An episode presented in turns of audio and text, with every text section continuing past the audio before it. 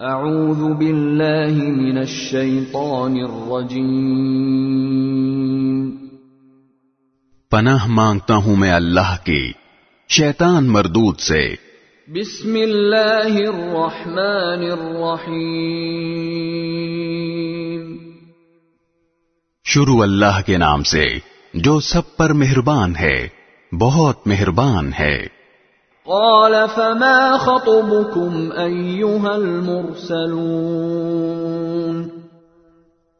ابراہیم نے کہا اللہ کے بھیجے ہوئے فرشتوں تم کس مہم پر ہو؟ قالوا انا ارسلنا الى قوم مجرمین انہوں نے کہا ہمیں کچھ مجرم لوگوں کے پاس بھیجا گیا ہے۔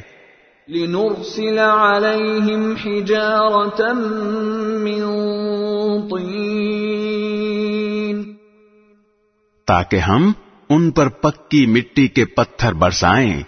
مسومة عند ربك للمسرفين جن پر حد سے گزرے ہوئے لوگوں کے لیے تمہارے پروردگار کے پاس سے خاص نشان بھی لگا ہوگا۔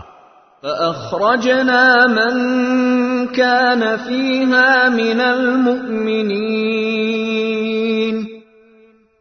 پھر ہوا یہ کہ اس بستی میں جو کوئی مومن تھا اس کو ہم نے وہاں سے نکال لیا۔ فما وجدنا فيها غير بيت من المسلمين۔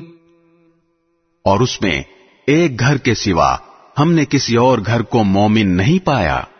وتركنا فيها آية للذين يخافون العذاب الأليم۔ اور ہم نے اس بستی میں ان لوگوں کے لیے عبرت کی ایک نشانی چھوڑ دی جو دردناک عذاب سے ڈرتے ہوں۔ وفي موسى إذ أرسلناه إلى فرعون بسلطان مبين.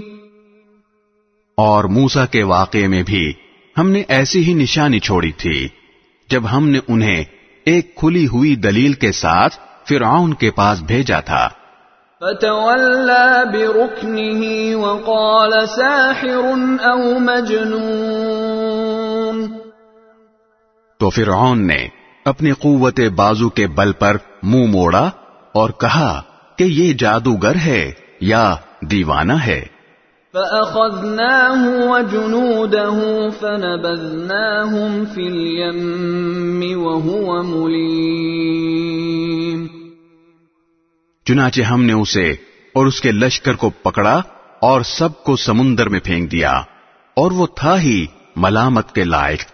وفي عاد إذ أرسلنا عليهم الريح العقيم نیز قوم عاد میں بھی ہم نے ایسی ہی نشانی چھوڑی تھی جب ہم نے ان پر ایک ایسی آندھی بھیجی جو ہر بہتری سے بانج تھی۔ ما تذر من شيء أتت عليه إلا جعلته كالرميم وہ جس چیز پر بھی گزرتی اسے ایسا کر چھوڑتی جیسے وہ گل کر چورا چورا ہو گئی ہو۔ وفي ثمود إذ قيل لهم تمتعوا حتى حين اور سمود میں بھی ایسی ہی نشانی تھی جب ان سے کہا گیا تھا کہ تھوڑے وقت تک مزے اڑا لو پھر سیدھے نہ ہوئے تو عذاب آئے گا۔ فعتوا عن أمر ربهم فأخذتهم الصاعقة وهم ينظرون۔ اس پر بھی انہوں نے اپنے پروردگار کا حکم ماننے سے سرکشی اختیار کی تو انہیں کڑکے نے آ پکڑا اور وہ دیکھتے رہ گئے۔ فما استطاعوا من قيام وما كانوا منتصرين نتیجہ یہ کہ نہ تو ان میں یہ سکت رہی کہ کھڑے ہو سکیں اور نہ وہ اس قابل تھے کہ اپنا بچاؤ کرتے۔ وقوم نوح من قبل انهم كانوا قوما فاسقين اور اس سے بھی پہلے نوح کے قوم کو بھی ہم نے پکڑ میں لیا تھا۔ یقین جانو وہ بڑے نافرمان لوگ تھے۔ والسماء بنيناها بأيد وإنا لموسعون اور آسمان کو ہم نے قوت سے بنایا ہے اور ہم یقیناً وسعت پیدا کرنے والے ہیں۔ والأرض فرشناها فنعم الماهدون اور زمین کو ہم نے فرش بنایا ہے چنانچہ ہم کیا خوب بچھانے والے ہیں۔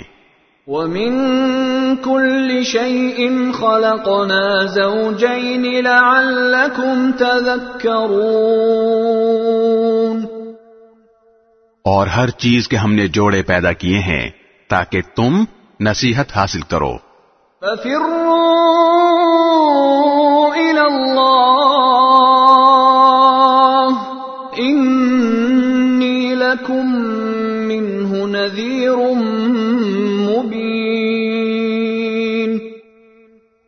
لہذا دوڑو اللہ کی طرف۔ یقین جانو میں اس کی طرف سے تمہارے لیے صاف صاف خبردار کرنے والا بن کر آیا ہوں۔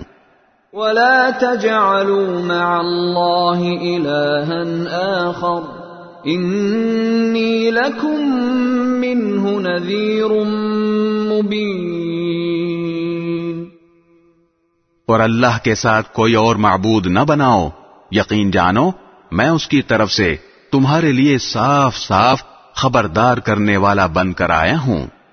كذلك ما أتى الذين من قبلهم من رسول إلا قالوا ساحر أو مجنون۔ اسی طرح ان سے پہلے جو لوگ تھے ان کے پاس بھی کوئی پیغمبر ایسا نہیں آیا جس کے بارے میں انہوں نے یہ نہ کہا ہو کہ جادوگر ہے یا دیوانہ ہے۔ به بل هم قوم طاغون۔ کیا یہ ایک دوسرے کو اس بات کی وسیعت کرتے چلے آئے ہیں؟ نہیں بلکہ یہ سرکش لوگ ہیں۔ فتول عنهم فما بملوم۔ لہذا اے پیغمبر تم ان سے بے رخی اختیار کرو کیونکہ تم قابل ملامت نہیں ہو۔ وذكر فإن الذكرى تنفع المؤمنين اور نصیحت کرتے رہو کیونکہ نصیحت ایمان لانے والوں کو فائدہ دیتی ہے۔ وما خلقت الجن والإنس إلا ليعبدون اور میں نے جنات اور انسانوں کو اس کے سوا کسی اور کام کے لیے پیدا نہیں کیا کہ وہ میری عبادت کریں۔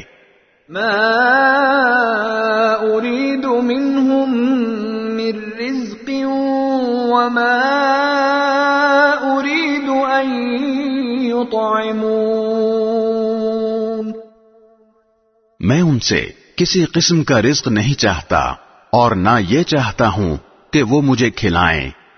إن الله هو الرزاق ذو القوة المتين اللہ تو خود ہی رزاق ہے مستحکم قوت والا۔ فإن للذين ظلموا ذنوبا مثل ذنوب أصحابهم فلا يستعجلون اب تو جن لوگوں نے ظلم کیا ہے ان کی بھی ایسی ہی باری آئے گی جیسے ان کے پچھلے ساتھیوں کی باری آئی تھی۔ اس لیے وہ مجھ سے جلدی عذاب لانے کا مطالبہ نہ کریں۔ فويل للذين كفروا من يومهم الذي يوعدون. غرض جن لوگوں نے کفر اختیار کیا ہے ان کی اس دن کی وجہ سے بڑی خرابی ہوگی جس کا ان سے وعدہ کیا جا رہا ہے۔ بسم اللہ الرحمن الرحیم۔ شروع اللہ کے نام سے جو سب پر مہربان ہے بہت مہربان ہے۔ والطور۔ قسم ہے کوہ تور کی۔ وكتاب مسطور۔ في رق منشور۔ اور اس کتاب کے جو ایک کھلے ہوئے صحیفے میں لکھی ہوئی ہے۔ والبيت المعمور۔ اور قسم ہے بیت معمور کی۔ والسقف المرفوع۔ اور بلند کی ہوئی چھت کی۔ والبحر المسجور۔ اور بھرے ہوئے سمندر کی۔ ان عذاب ربك لواقع کہ تمہارے پروردگار کا عذاب ضرور واقع ہونے والا ہے۔ ما له من دافع کوئی نہیں ہے جو اسے روک سکے۔ يوم تمور السماء مورا جس دن آسمان تھر تھرا کر لرز اٹھے گا۔ وتسير الجبال سيرا۔ اور پہاڑ ہولناک طریقے سے چل پڑیں گے۔ فويل يومئذ للمكذبين۔ تو اس دن بڑی خرابی ہوگی ان کی جو حق کو جھٹلاتے ہیں۔ الذين هم في خوض يلعبون۔ جو بےحودہ باتوں میں ڈوبے ہوئے کھیل رہے ہیں۔ يوم يدعون إلى نار جهنم دعا۔ اس دن جب انہیں دھکے دے دے کر جہنم کی آگ کی طرف دھکیلا جائے گا۔ هذه النار التي كنتم بها تكذبون۔ کہ یہ ہے وہ آگ جس کو تم جھٹلایا کرتے تھے۔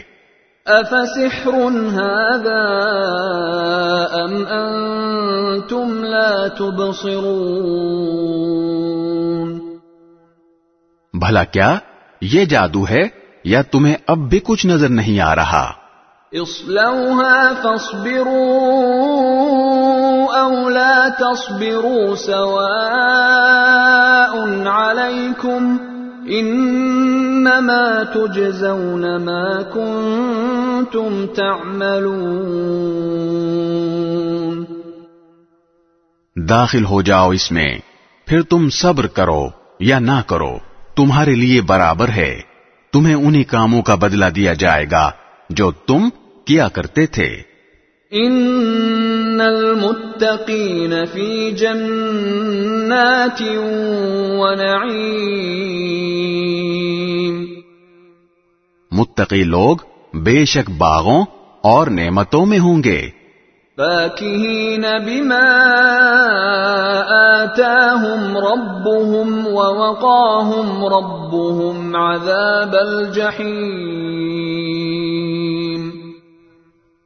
ان کے پروردگار نے انہیں جس طرح نوازا اور ان کے پروردگار ہی نے انہیں دوزخ کے عذاب سے جس طرح بچایا اس کا لطف اٹھا رہے ہوں گے۔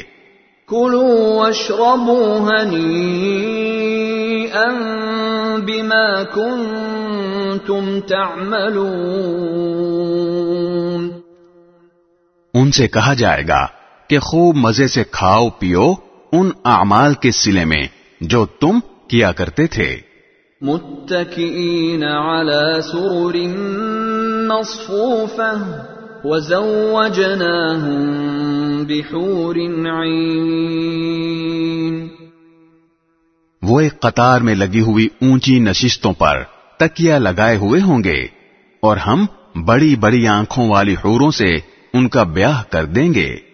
والذين آمنوا واتبعتهم ذريتهم بإيمان ألحقنا بهم ذريتهم وما ألتناهم من عملهم من شيء كل امرئ بما كسب رهين اور جو لوگ ایمان لائے ہیں اور ان کی اولاد نے بھی ایمان میں ان کی پیروی کی ہے، تو ان کی اولاد کو ہم انہی کے ساتھ شامل کر دیں گے اور ان کے عمل میں سے کسی چیز کی کمی نہیں کریں گے۔ ہر انسان کی جان اپنی کمائی کے بدلے رہن رکھی ہوئی ہے۔ وَأَمْدَدْنَاهُمْ بِفَاكِهَةٍ وَلَحْمٍ مِّمَّا يَشْتَهُونَ اور ہم انہیں ایک کے بعد ایک پھل اور گوشت جو بھی ان کا دل چاہے گا دیے چلے جائیں گے۔ يتنازعون فيها كأسا لا لغو فيها ولا تأثيم۔ وہاں وہ ایسے جامع شراب پر دوستانہ چینا جھپٹی کر رہے ہوں گے جس میں نہ کوئی بےحودگی ہوگی اور نہ کوئی گناہ ہوگا۔ ويطوف عليهم غلمان لهم كأنهم لؤلؤ مكنون۔ اور ان کے ارد گرد وہ نوجوان پھر رہے ہوں گے جو انہی کی خدمت کے لیے مخصوص ہوں گے۔ ایسے خوبصورت جیسے چھپا کر رکھے ہوئے موتی۔ وأقبل بعضهم على بعض يتساءلون.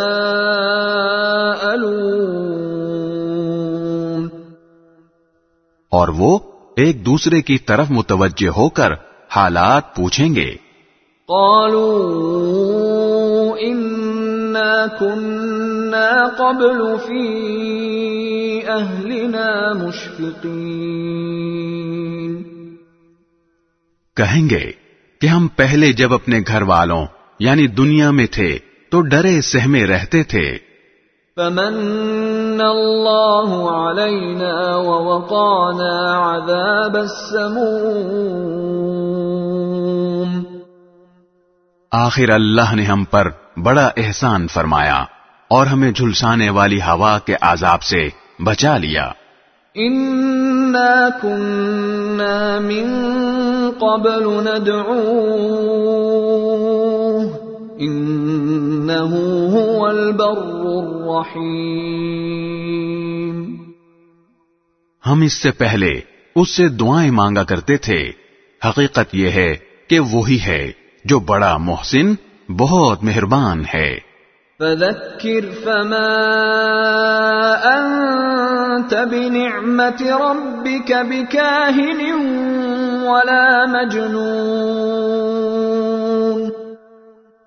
لہذا، اے پیغمبر، تم نصیحت کرتے رہو، کیونکہ تم اپنے پروردگار کے فضل سے نہ کاہن ہو، نہ مجنون۔ أم يقولون شاعر نتربص به ريب المنون بھلا کیا یہ لوگ یوں کہتے ہیں کہ یہ صاحب شاعر ہیں جن کے بارے میں ہم زمانے کی گردش کا انتظار کر رہے ہیں۔ قل تربصوا فإني معكم من المتربصين کہہ دو کہ کر لو انتظار میں بھی تمہارے ساتھ انتظار کر رہا ہوں۔ أم تأمرهم أحلامهم بهذا أم هم قوم طاغون۔ کیا ان کی عقلیں ان کو یہی کچھ کرنے کو کہتی ہیں؟ یا وہ ہیں ہی سرکش لوگ؟ أم يقولون تقوله بل لا يؤمنون۔ ہاں کیا وہ یہ کہتے ہیں کہ ان صاحب نے یہ قرآن خود گھڑ لیا ہے؟ نہیں بلکہ یہ زد میں ایمان نہیں لا رہے۔ فَلْيَأْتُوا بِحَدِيثٍ مِثْلِهِ إِن كَانُوا صَادِقِينَ۔ اگر یہ واقعی سچے ہیں تو اس جیسا کوئی کلام گھڑ کر لے آئیں۔ ام خلقوا من غیر شیء ام هم الخالقون۔ کیا یہ لوگ بغیر کسی کے آپ سے آپ پیدا ہو گئے ہیں یا یہ خود اپنے خالق ہیں؟ ام خلقوا السماوات والارض بل لا يوقنون۔ یا کیا آسمان اور زمین انہوں نے پیدا کیے ہیں۔ نہیں بلکہ اصل بات یہ ہے کہ یہ یقین نہیں رکھتے۔ ام عندهم خزائن ربك ام هم المسيطرون۔ کیا تمہارے پروردگار کے خزانے ان کے پاس ہیں یا وہ داروغہ بنے ہوئے ہیں؟ ام لهم سلم يستمعون فيه فليأت مستمعهم بسلطان مبين یا ان کے پاس کوئی سیڑھی ہے جس پر چڑھ کر یہ عالم بالا کی باتیں سن لیتے ہیں۔ اگر ایسا ہے تو ان میں سے جو سنتا ہو وہ کوئی واضح ثبوت تو لائے۔ ام له البنات ولكم البنون کیا اللہ کے حصے میں تو بیٹیاں ہیں اور بیٹے تمہارے حصے میں آئے ہیں؟ ام تسألهم اجرا فهم من مغرم مثقلون اور کیا تم ان سے کوئی اجرت مانگ رہے ہو؟ جس کی وجہ سے یہ تاوان کے بوجھ میں دبے جا رہے ہیں۔ ام عندهم الغیب فهم یکتبون یا ان کے پاس غیب کا علم ہے جسے یہ لکھ لیتے ہوں۔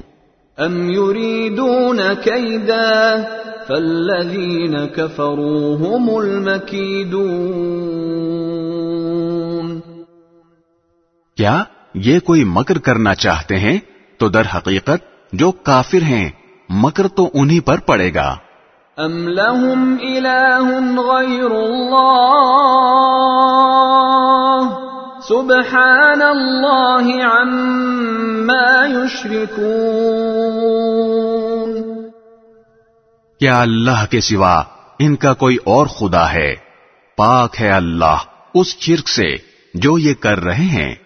وَإِن يَرَوْا كِسْفًا مِّنَ السَّمَاءِ سَاقِطًا يَقُولُوا سَحَابٌ مَّرْكُومٌ اور اگر یہ آسمان کو کوئی ٹکڑا گرتے ہوئے بھی دیکھ لیں، تو یہ کہیں گے کہ یہ کوئی گہرا بادل ہے۔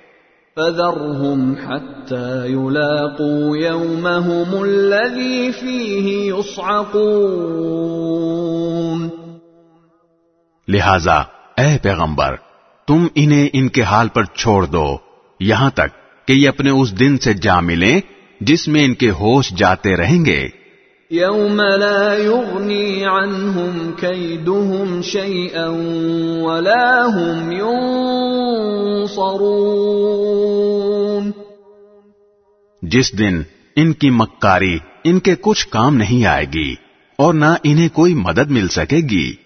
وَإِنَّ لِلَّذِينَ ظَلَمُوا عَذَابًا دُونَ ذَلِكَ وَلَكِنَّ أَكْثَرَهُمْ لَا يَعْلَمُونَ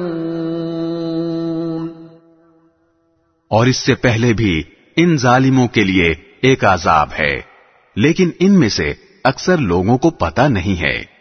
واصبر لحكم ربك فإنك بأعيننا وسبح بحمد ربك حين تقوم. اور تم اپنے پروردگار کے حکم پر جمے رہو، کیونکہ تم ہماری نگاہوں میں ہو۔ اور جب تم اٹھتے ہو، اس وقت اپنے پروردگار کے حمد کے ساتھ اس کی تسبیح کیا کرو۔ ومن الليل فسبحه وإدبار النجوم اور کچھ رات کو بھی اس کی تسبیح کرو اور اس وقت بھی جب ستارے ڈوبتے ہیں۔ بسم اللہ الرحمن الرحیم شروع اللہ کے نام سے جو سب پر مہربان ہے۔ بہت مہربان ہے۔ والنجم اذا ہوا۔ قسم ہے ستارے کی جب وہ گرے۔ ما ضل صاحبكم وما غوا۔ اے مکے کے باشندو یہ تمہارے ساتھ رہنے والے صاحب نہ راستہ بھولے ہیں نہ بھٹکے ہیں۔ وما ينطق عن الهوى۔ اور یہ اپنی خواہش سے کچھ نہیں بولتے۔ ان هو الا وحي يوحى یہ تو خالص وہی ہے جو ان کے پاس بھیجی جاتی ہے۔ علمه شدید القوى انہیں ایک ایسے مضبوط طاقت والے فرشتے نے تعلیم دی ہے۔ ذو مرة فاستوى۔ جو قوت کا حامل ہے چنانچہ وہ سامنے آ گیا۔ وهو بالافق الاعلى جبکہ وہ بلند افق پر تھا۔ ثم دنا فتدلى۔ پھر وہ قریب آیا اور جھک پڑا۔ فكان قاب قوسين او ادنى یہاں تک کہ وہ دو کمانوں کے فاصلے کے برابر قریب آ گیا بلکہ اس سے بھی زیادہ نزدیک۔ فأوحى إلى عبده ما أوحى۔ اس طرح اللہ کو اپنے بندے پر جو وہی نازل فرمانی تھی وہ نازل فرمائی۔ ما كذب الفؤاد ما رأى۔ جو کچھ انہوں نے دیکھا دل نے اس میں کوئی غلطی نہیں کی۔ أفتمارونه على ما يرى؟ کیا پھر بھی تم ان سے اس چیز کے بارے میں جھگڑتے ہو جسے وہ دیکھتے ہیں؟ ولقد رآه نزلة أخرى۔ اور حقیقت یہ ہے کہ انہوں نے اس فرشتے کو ایک اور مرتبہ دیکھا ہے۔ عند سدرة المنتهى. اس بیر کے درخت کے پاس جس کا نام سدرت المنتہا ہے۔ عندها جنة المأوى. اسی کے پاس جنت المأوا ہے۔ إذ يغشى السدرة ما يغشى. اس وقت اس بیر کے درخت پر وہ چیزیں چھائی ہوئی تھیں جو بھی اس پر چھائی ہوئی تھیں۔ ما زاغ البصر وما طغى۔ پیغمبر کی آنکھ نہ تو چکرائی اور نہ حد سے آگے بڑھی۔ لقد رأى من آيات ربه الكبرى۔ سچ تو یہ ہے کہ انہوں نے اپنے پروردگار کی بڑی بڑی نشانیوں میں سے بہت کچھ دیکھا۔ اللات والعزى؟ بھلا کیا تم نے لات اور عزا کی حقیقت پر بھی غور کیا ہے؟ ومناة الثالثة الأخرى؟ اور اس ایک اور تیسرے پر جس کا نام منات ہے۔ ألكم الذكر وله الأنثى؟ کیا تمہارے لیے تو بیٹے ہوں؟ اور اللہ کے لیے بیٹیاں۔ تلك ضيزى پھر تو یہ بڑی بھونڈی تقسیم ہوئی۔ إن هي إلا أسماء سميتموها سميتموها وآباؤكم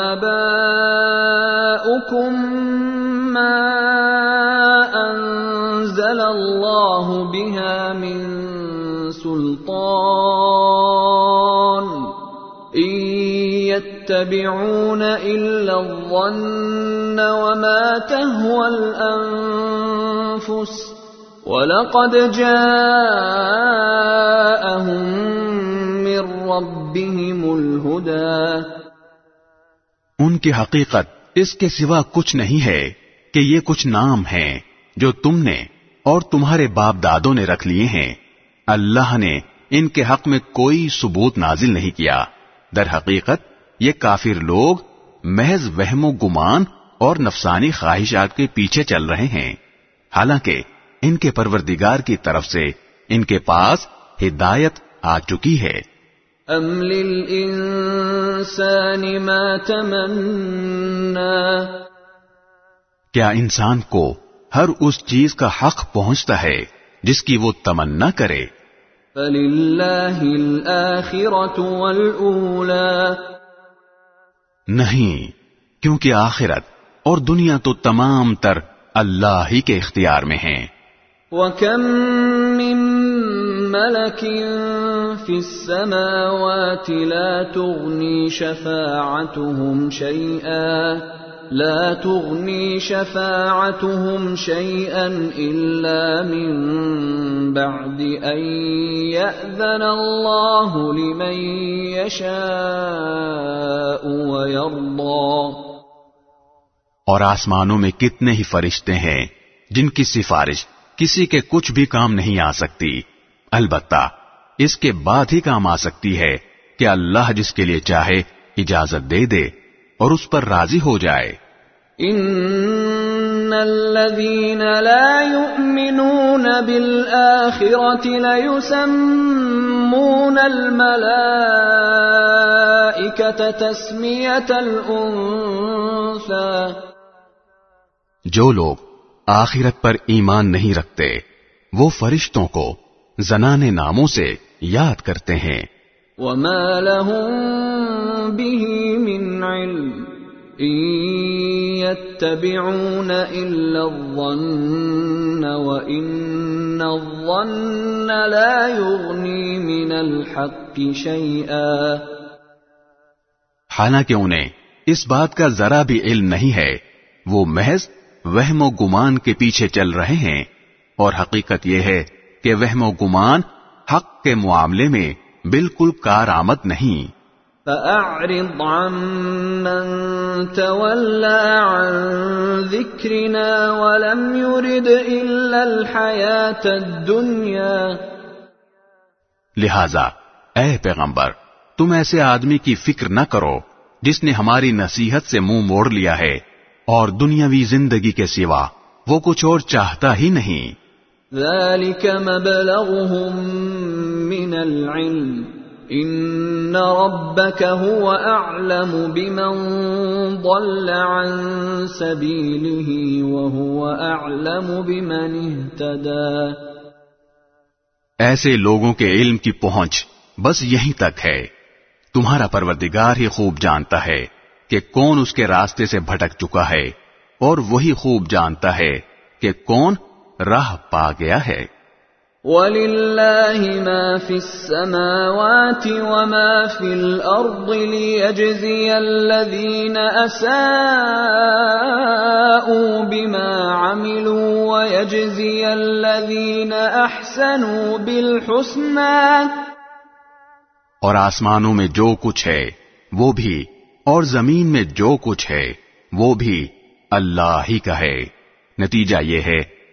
کہ جنہوں نے برے کام کیے ہیں، وہ ان کو ان کے عمل کا بھی بدلہ دے گا، اور جنہوں نے نیک کام کیے ہیں، ان کو بہترین بدلہ عطا کرے گا۔ الذين يجتنبون كبائر الإثم والفواحش إلا اللمم إن ربك واسع المغفرة هو أعلم بكم إذ أنشأكم من الأرض وإذ أنتم أجنة في بطون أمهاتكم فلا تزكوا أنفسكم هو أعلم بمن اتقى ان لوگوں کو جو بڑے بڑے گناہوں اور بے حیائی کے کاموں سے بچتے ہیں۔ البتہ، کبھی کبھار پھسل جانے کی بات اور ہے۔ یقین رکھو، تمہارا پروردگار بہت وسیع مغفرت والا ہے۔ وہ تمہیں خوب جانتا ہے۔ جب اس نے تمہیں زمین سے پیدا کیا، اور جب تم اپنی ماؤں کے پیٹ میں بچے تھے، لہذا تم اپنے آپ کو پاکیزہ نہ ٹھہراؤ۔ وہ خوب جانتا ہے کہ کون متقی ہے۔ أفرأيت الذي تولى؟ اے پیغمبر بھلا تم نے اس شخص کو بھی دیکھا جو حق سے منہ موڑ گیا۔ وأعطى قليلا وأكدى؟ اور جس نے تھوڑا سا دیا پھر رک گیا۔ علم الغيب فهو يرى؟ کیا اس کے پاس غیب کا علم ہے؟ جو وہ دیکھ رہا ہو۔ أم لم ينبأ بما في صحف موسى؟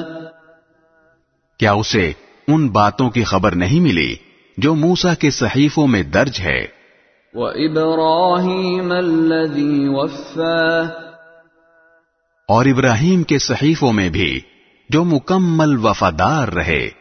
ألا تزر وازرة وزر أخرى؟ یعنی یہ کہ کوئی بوجھ اٹھانے والا کسی دوسرے کے گناہ کا بوجھ نہیں اٹھا سکتا۔ وأن ليس للإنسان إلا ما سعى۔ اور یہ کہ انسان کو خود اپنی کوشش کے سوا کسی اور چیز کا بدلہ لینے کا حق نہیں پہنچتا۔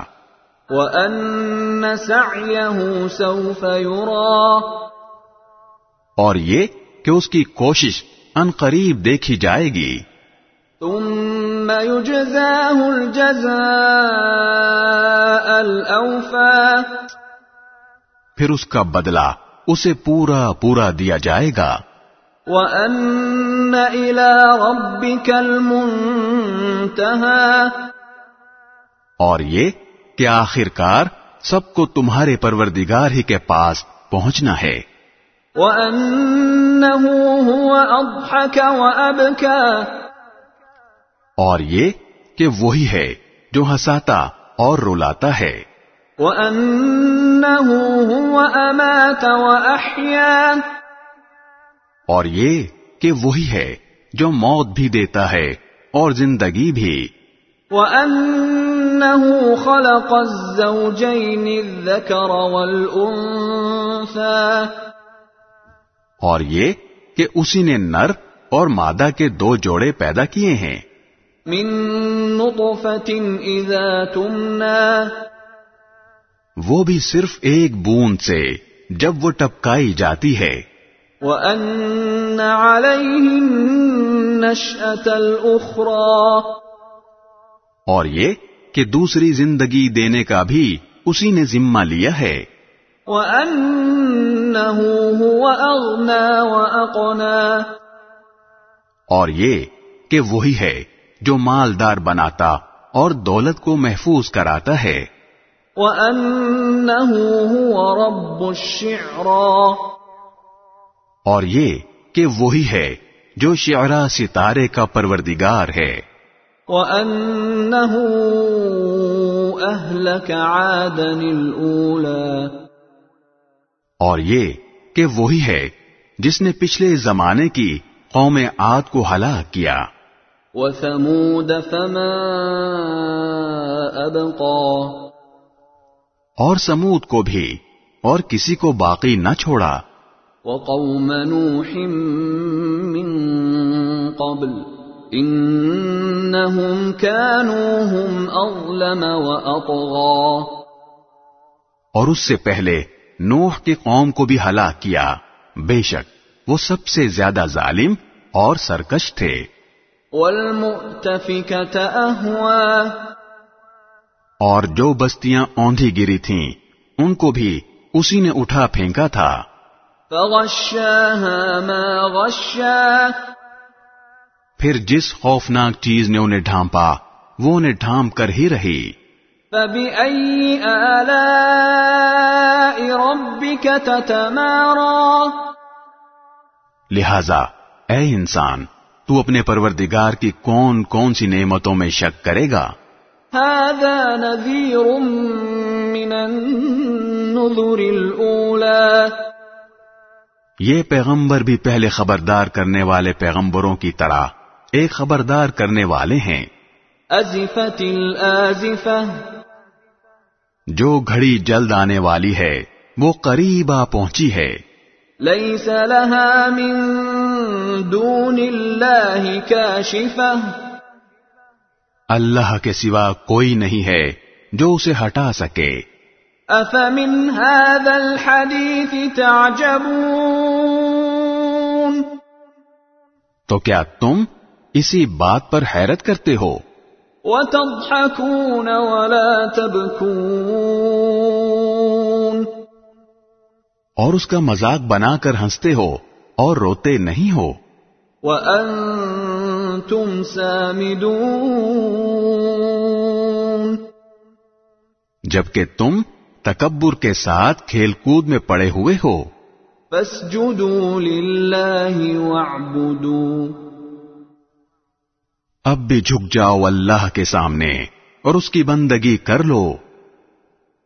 بسم الله الرحمن الرحيم شروع اللہ کے نام سے جو سب پر مہربان ہے بہت مہربان ہے۔ اقتربت الساعة وانشق القمر۔ قیامت قریب آ لگی ہے۔ اور چاند پھٹ گیا ہے۔ وَإِن يَرَوْا آيَةً يُعْرِضُوا وَيَقُولُوا سِحْرٌ مُسْتَمِرٌ۔ اور ان لوگوں کا حال یہ ہے کہ اگر وہ کوئی نشانی دیکھتے ہیں تو منہ موڑ لیتے ہیں اور کہتے ہیں کہ یہ تو ایک چلتا ہوا جادو ہے۔ وَكَذَّبُوا وَاتَّبَعُوا أَهْوَاءَهُمْ وَكُلُّ أَمْرٍ مُسْتَقِرٌ انہوں نے حق کو جھٹلایا اور اپنی خواہشات کے پیچھے چل نکلے اور ہر کام کو آخر کسی ٹھکانے پر ٹک کر رہنا ہے۔ وَلَقَدْ جَاءَهُم مِّنَ الْأَنبَاءِ فِيهِ مُزْدَجَرٌ۔ اور ان لوگوں کو پچھلی قوموں کے واقعات کی اتنی خبریں پہنچ چکی ہیں جن میں تنبیہ کا بڑا سامان تھا۔ حِكْمَةٌ بَالِغَةٌ فَمَا تُغْنِ النُّذُرُ۔ دل میں اتر جانے والی دانائی کی باتیں تھیں۔ پھر بھی یہ تنبیہات ان پر کچھ کارگر نہیں ہو رہی فَتَوَلَّ عَنْهُمْ يَوْمَ يَدْعُ الدَّاعِ إِلَى شَيْءٍ نُكُرٍ. لہذا اے پیغمبر تم بھی ان کی پرواہ مت کرو جس دن پکارنے والا ایک ناگوار چیز کی طرف بلائے گا۔ عَنْ أَبْصَارُهُمْ يَخْرُجُونَ مِنَ الْأَجْدَاثِ كَأَنَّهُمْ جَرَادٌ مُنْتَشِرٌ اس دن یہ اپنی آنکھیں جھکائے قبروں سے اس طرح نکل کھڑے ہوں گے جیسے ہر طرف پھیلی ہوئی ٹڈیاں۔ إِلَى الدَّاعِ۔ يَقُولُ الْكَافِرُونَ هَذَا يَوْمٌ عَسِرٌ۔ دوڑے جا رہے ہوں گے اسی پکارنے والے کی طرف۔ یہی کافر جو قیامت کا انکار کرتے تھے کہیں گے کہ یہ تو بہت ہی کٹھن دن ہے۔ كذبت قبلهم قوم نوح فكذبوا عبدنا وقالوا مجنون وازدجر۔ ان سے پہلے نوح کی قوم نے بھی چھٹلانے کا رویہ اختیار کیا تھا۔ انہوں نے ہمارے بندے کو چھٹلایا اور کہا کہ یہ دیوانے ہیں اور انہیں دھمکیاں دی گئیں۔ فدعا ربه انی مغلوب فانتصر. اس پر انہوں نے اپنے پروردگار کو پکارا کہ میں بے بس ہو چکا ہوں اب آپ ہی بدلہ لیجیے۔ ففتحنا ابواب السماء بماء منہمر چنانچہ ہم نے ٹوٹ کر برسنے والے پانی سے آسمان کے دروازے کھول دیے۔ وفجرنا الأرض عيونا فالتقى الماء على أمر قد قدر۔ اور زمین کو پھاڑ کر چشموں میں تبدیل کر دیا۔ اور اس طرح دونوں قسم کا سارا پانی اس کام کے لیے مل گیا۔ جو مقدر ہو چکا تھا۔ وحملناه على ذات ألواح ودسر۔ اور نوح کو ہم نے ایک تختوں اور میخوں والی کشتی پر سوار کر دیا۔ تجري بأعيننا جزاء لمن كان كفر جو ہماری نگرانی میں رواں دواں تھی۔ تاکہ اس پیغمبر کا بدلہ لیا جائے جس کی ناقدری کی گئی تھی۔ وَلَقَدْ تَرَكْنَاهَا آيَةً فَهَلْ مِن مُدَّكِرٍ۔ اور حقیقت یہ ہے کہ ہم نے اس کو عبرت کی ایک نشانی بنا دیا۔ تو کیا کوئی ہے جو نصیحت حاصل کرے؟ فَكَيْفَ كَانَ عَذَابِي وَنُذُرِ؟ اب سوچو کہ میرا عذاب اور میری تنبیہات کیسی تھیں۔ وَلَقَدْ يَسَّرْنَا الْقُرْآنَ لِلذِّكْرِ فَهَلْ مِن مُدَّكِرٍ۔ اور حقیقت یہ ہے کہ ہم نے قرآن کو نصیحت حاصل کرنے کے لیے آسان بنا دیا ہے۔ اب کیا کوئی ہے جو نصیحت حاصل کرے؟ كذبت عاد فكيف كان عذابي ونذر۔ عاد کی قوم نے بھی تنبیہ کرنے والوں کو جھٹلانے کا رویہ اختیار کیا۔ پھر دیکھ لو کہ میرا عذاب اور میری تنبیہات کیسی تھیں۔ إنا أرسلنا عليهم ريحا صرصرا في يوم نحس مستمر۔ ہم نے ایک مسلسل نحوست کے دن میں ان پر تیز آندھی والی ہوا چھوڑ دی تھی۔ تنزع الناس كأنهم أعجاز نخل منقعر۔ جو لوگوں کو اس طرح اکھاڑ پھینک دیتی تھی جیسے وہ کھجور کے اکھڑے ہوئے درخت کے تنے ہوں۔ فكيف كان عذابي ونذر اب سوچو کہ میرا عذاب اور میری تنبیہات کیسی تھیں۔ وَلَقَدْ يَسَّرْنَا الْقُرْآنَ لِلذِّكْرِ فَهَلْ مِن مُدَّكِرٍ اور حقیقت یہ ہے کہ ہم نے قرآن کو نصیحت حاصل کرنے کے لیے آسان بنا دیا ہے۔ اب کیا کوئی ہے جو نصیحت حاصل کرے؟ كذبت ثمود بالنذر سمود کی قوم نے بھی تنبیہ کرنے والوں کو جھٹلانے کا رویہ اختیار کیا۔ فقالوا أبشرا منا واحدا نتبعه إنا إذا لفي ضلال وسعر چنانچہ کہنے لگے کہ کیا ہم اپنے ہی میں سے ایک تنہا آدمی کے پیچھے چل پڑیں؟ ایسا کریں گے تو یقیناً ہم بڑی گمراہی اور دیوانگی میں جا پڑیں گے۔ أألقي الذكر عليه من بيننا بل هو كذاب أشر۔ بھلا کیا ہم سارے لوگوں کے درمیان یہی ایک شخص رہ گیا تھا جس پر نصیحت نازل کی گئی؟ نہیں بلکہ دراصل یہ پرلے درجے کا جھوٹا شیخی باز شخص ہے۔ سيعلمون غدا من الكذاب الأشر ہم نے پیغمبر صالح علیہ السلام سے کہا کہ کل ہی انہیں پتہ چل جائے گا کہ پرلے درجے کا جھوٹا شیخی باز کون تھا۔ مرسل الناقة فتنة لهم فارتقبهم واصطبر ہم ان کے پاس ان کی آزمائش کے طور پر اونٹنی بھیج رہے ہیں اس لیے تم انہیں دیکھتے رہو اور صبر سے کام لو۔ ونبئهم أن الماء قسمة بينهم كل شرب محتضر۔ اور ان کو بتا دو کہ کنویں کا پانی ان کے درمیان تقسیم کر دیا گیا ہے۔ ہر پانی کا حقدار اپنی باری میں حاضر ہوگا۔ فنادوا صاحبهم فتعاطى فعقر۔ پھر انہوں نے اپنے آدمی کو بلایا چنانچہ اس نے ہاتھ بڑھایا اور اونٹنی کو قتل کر ڈالا۔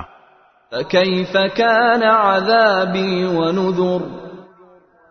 اب سوچو کہ میرا عذاب اور میری تنبیہات کیسی تھیں۔ إنا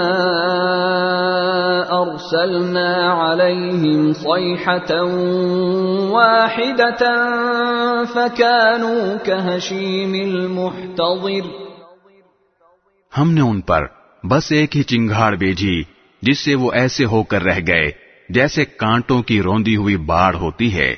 وَلَقَدْ يَسَّرْنَا الْقُرْآنَ لِلذِّكْرِ فَهَلْ مِن مُدَّكِرٍ اور حقیقت یہ ہے کہ ہم نے قرآن کو نصیحت حاصل کرنے کے لیے آسان بنا دیا ہے۔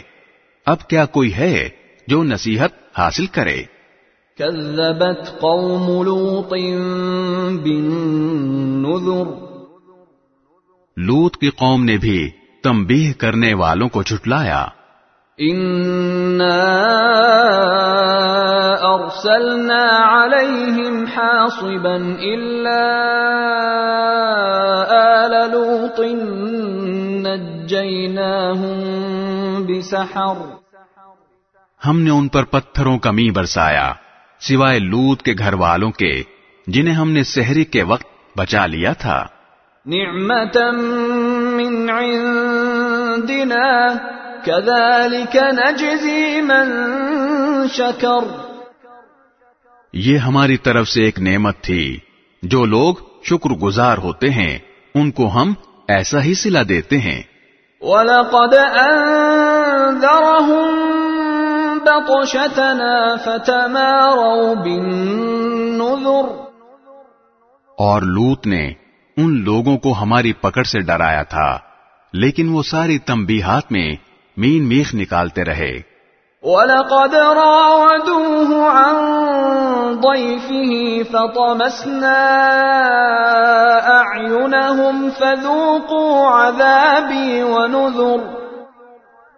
اور انہوں نے لوت کو ان کے مہمانوں کے بارے میں پھسلانے کی کوشش کی جس پر ہم نے ان کی آنکھوں کو اندھا کر دیا کہ چکھو میرے عذاب اور میری تنبیہات کا مزہ۔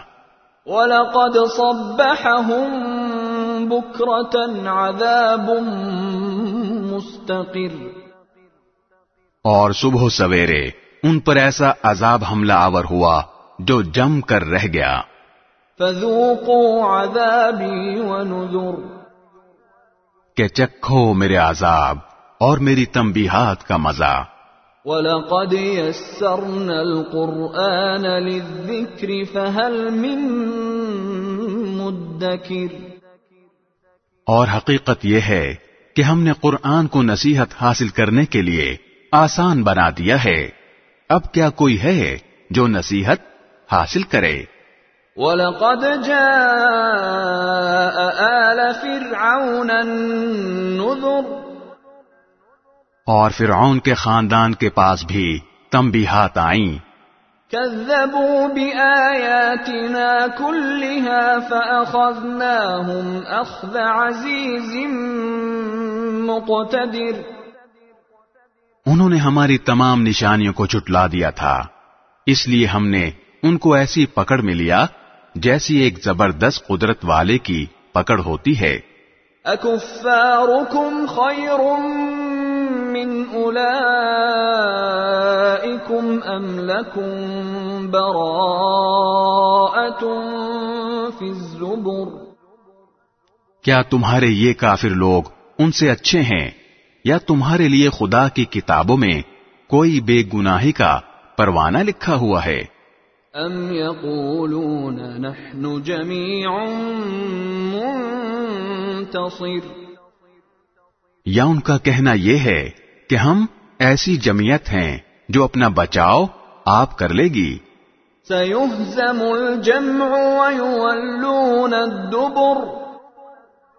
حقیقت تو یہ ہے کہ اس جمعیت کو ان قریب شکست ہو جائے گی اور یہ سب پیٹ پھیر کر بھاگیں گے۔ بل الساعة موعدهم والساعة أدهى وأمر۔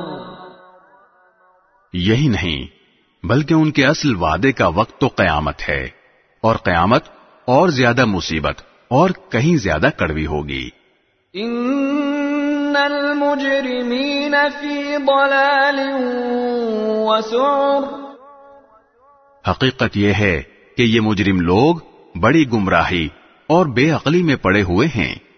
يوم يسحبون في النار على وجوههم ذوقوا مس سقر. جس دن ان کو منہ کے بل آگ میں گھسیٹا جائے گا اس دن انہیں ہوش آئے گا اور ان سے کہا جائے گا کہ چکھو دوزخ کے چھونے کا مزہ۔ إنا كل شيء خلقناه بقدر۔ ہم نے ہر چیز کو ناپ تول کے ساتھ پیدا کیا ہے۔ وما أمرنا إلا واحدة كلمح بالبصر۔ اور ہمارا حکم بس ایک ہی مرتبہ آنکھ جھپکنے کی طرح پورا ہو جاتا ہے۔ وَلَقَدْ أَهْلَكْنَا أَشْيَاعَكُمْ فَهَلْ مِن مُدَّكِرٍ اور تمہارے ہم مشرب لوگوں کو ہم پہلے ہی ہلاک کر چکے ہیں۔ اب بتاؤ ہے کوئی جو نصیحت حاصل کرے؟ وَكُلُّ شَيْءٍ فَعَلُوهُ فِي الزُّبُرِ اور جو جو کام انہوں نے کیے ہیں وہ سب اعمال ناموں میں درج ہیں۔ وَكُلُّ صَغِيرٍ وَكَبِيرٍ مُسْتَطَرٍ اور ہر چھوٹی اور بڑی بات لکھی ہوئی ہے۔ ان المتقین فی جنات ونہر البتہ جن لوگوں نے تقوی کی روش اپنا رکھی ہے وہ باغات اور نہروں میں ہوں گے۔ فی مقعد صدق عند ملیک مقتدر۔ ایک سچی عزت والی نشست میں اس بادشاہ کے پاس جس کے قبضے میں سارا اقتدار ہے۔ بسم اللہ الرحمن الرحیم۔ شروع اللہ کے نام سے جو سب پر مہربان ہے۔ بہت مہربان ہے۔ الرحمن۔ وہ رحمان ہی ہے۔ علم القرآن۔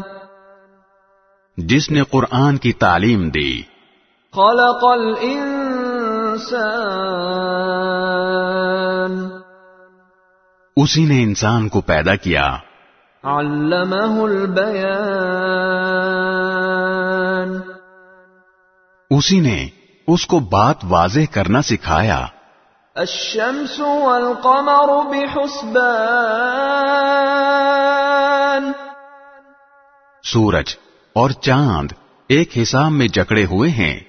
والنجم والشجر يسجدان۔ اور بیلیں اور درخت سب اس کے آگے سجدہ کرتے ہیں۔ والسماء رفعها ووضع الميزان۔ اور آسمان کو اسی نے بلند کیا ہے اور اسی نے ترازو قائم کی ہے۔ ألا تطغوا في الميزان۔ کہ تم تولنے میں ظلم نہ کرو۔ وَأَقِيمُوا الْوَزْنَ بِالْقِسْطِ وَلَا تُخْسِرُوا الْمِيزَانَ اور انصاف کے ساتھ وزن کو ٹھیک رکھو اور تول میں کمی نہ کرو۔ وَالْأَرْضَ وَضَعَهَا لِلْأَنَامِ اور زمین کو اسی نے ساری مخلوقات کے لیے بنایا ہے۔ فيها فاكهة والنخل ذات الأكمام. اسی میں میوے اور کھجور کے گابوں والے درخت بھی ہیں۔ والحب ذو العصف والريحان. اور بھوسے والا غلہ اور خوشبودار پھول بھی۔ فبأي آلاء ربكما تكذبان اے انسانوں اور جنات اب بتاؤ کہ تم دونوں اپنے پروردگار کی کون کون سی نعمتوں کو جھٹلاؤ گے خلق الإنسان من صلصال كالفخار اسی نے انسان کو ٹھیکرے کی طرح کھنکھناتی ہوئی مٹی سے پیدا کیا۔ وخلق الجان من مارج من نار۔ اور جنات کو آگ کی لپٹ سے پیدا کیا۔ فبأي آلاء ربكما تكذبان؟ اب بتاؤ کہ تم دونوں اپنے پروردگار کی کون کون سی نعمتوں کو جھٹلاؤ گے؟ رب المشرقين ورب المغربين دونوں مشرقوں اور دونوں مغربوں کا پروردگار وہی ہے۔ فبأي آلاء ربكما تكذبان اب بتاؤ کہ تم دونوں اپنے پروردگار کی کون کون سی نعمتوں کو جھٹلاؤ گے مرج البحرين يلتقيان اسی نے دو سمندروں کو اس طرح چلایا کہ وہ دونوں آپس میں مل جاتے ہیں۔ بينهما برزخ لا يبغيان پھر بھی ان کے درمیان ایک آڑ ہوتی ہے کہ وہ دونوں اپنی حد سے بڑھتے نہیں۔ فبأي آلاء ربكما تكذبان اب بتاؤ کہ تم دونوں اپنے پروردگار کی کون کون سی نعمتوں کو جھٹلاؤ گے؟ يخرج منهما اللؤلؤ والمرجان ان دونوں سمندروں سے موتی؟ اور مونگا نکلتا ہے۔ فبأي آلاء ربكما تكذبان اب بتاؤ کہ تم دونوں اپنے پروردگار کی کون کون سی نعمتوں کو جھٹلاؤ گے؟ وله الجوار المنشآت في البحر كالأعلام اور اسی کے قبضے میں وہ جہاز ہیں جو سمندر میں پہاڑوں کی طرح اونچے کھڑے کیے گئے ہیں۔ فبأي آلاء ربكما تكذبان اب بتاؤ کہ تم دونوں اپنے پروردگار کی کون کون سی نعمتوں کو جھٹلاؤ گے؟ كل من عليها فان اس زمین میں جو کوئی ہے فنا ہونے والا ہے۔ ويبقى وجه ربك ذو الجلال والإكرام۔ اور صرف تمہارے پروردگار کی جلال والی فضل و کرم والی ذات باقی رہے گی۔ فبأي آلاء ربكما تكذبان اب بتاؤ کہ تم دونوں اپنے پروردگار کی کون کون سی نعمتوں کو جھٹلاؤ گے يسأله من في السماوات والأرض كل يوم هو في شأن آسمانوں اور زمین میں جو بھی ہیں اسی سے اپنی حاجتیں مانگتے ہیں۔ وہ ہر روز کسی شان میں ہے۔ فبأي آلاء ربكما تكذبان اب بتاؤ کہ تم دونوں اپنے پروردگار کی کون کون سی نعمتوں کو جھٹلاؤ گے۔ سنفرغ لكم أيها الثقلان اے دو بھاری مخلوقوں ہمن قریب تمہارے حساب کے لیے فارغ ہونے والے ہیں۔ فبأي آلاء ربكما تكذبان؟ اب بتاؤ کہ تم دونوں اپنے پروردگار کی کون کون سی نعمتوں کو جھٹلاؤ گے؟ يا معشر الجن والإنس إن استطعتم أن تنفذوا من أقطار السماوات والأرض فانفذوا.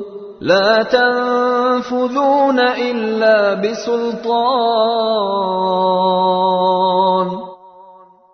اے انسانوں اور جنات کے گروہ اگر تم میں یہ بل بوتا ہے کہ آسمانوں اور زمین کی حدود سے پار نکل سکو تو پار نکل جاؤ۔ تم زبردست طاقت کے بغیر پار نہیں ہو سکو گے۔ فبأي آلاء ربكما تكذبان اب بتاؤ کہ تم دونوں اپنے پروردگار کی کون کون سی نعمتوں کو جھٹلاؤ گے۔ يرسل عليكما شواظ من نار ونحاس فلا تنتصران. تم پر آگ کا شعلہ اور تانبے کے رنگ کا دھواں چھوڑا جائے گا، پھر تم اپنا بچاؤ نہیں کر سکو گے۔ فبأي آلاء ربكما تكذبان؟ اب بتاؤ کہ تم دونوں اپنے پروردگار کی کون کون سی نعمتوں کو جھٹلاؤ گے؟ فَإِذَا انشَقَّتِ السَّمَاءُ فَكَانَتْ وَرْدَةً كَالدِّهَانِ غرض وہ وقت آئے گا جب آسمان پھٹ پڑے گا اور لال چمڑے کی طرح سرخ گلاب بن جائے گا۔ فبأي آلاء ربكما تكذبان اب بتاؤ کہ تم دونوں اپنے پروردگار کی کون کون سی نعمتوں کو جھٹلاؤ گے؟ فيومئذ لا يسأل عن ذنبه إنس ولا جان۔ پھر اس دن نہ کسی انسان سے اس کے گناہ کے بارے میں پوچھا جائے گا اور نہ کسی جن سے۔ فبأي آلاء ربكما تكذبان اب بتاؤ کہ تم دونوں اپنے پروردگار کی کون کون سی نعمتوں کو جھٹلاؤ گے يعرف المجرمون بسيماهم فيؤخذ بالنواصي والأقدام مجرم لوگوں کو ان کی علامتوں سے پہچان لیا جائے گا۔ پھر انہیں سر کے بالوں اور پاؤں سے پکڑا جائے گا۔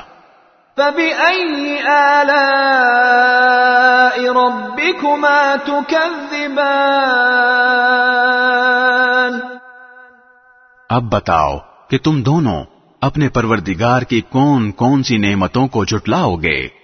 هذه جهنم التي يكذب بها المجرمون یہ ہے وہ جہنم جسے یہ مجرم لوگ جھٹلاتے تھے۔ يطوفون بينها وبين حميم آن۔ یہ اسی کے اور کھولتے ہوئے پانی کے درمیان چکر لگائیں گے۔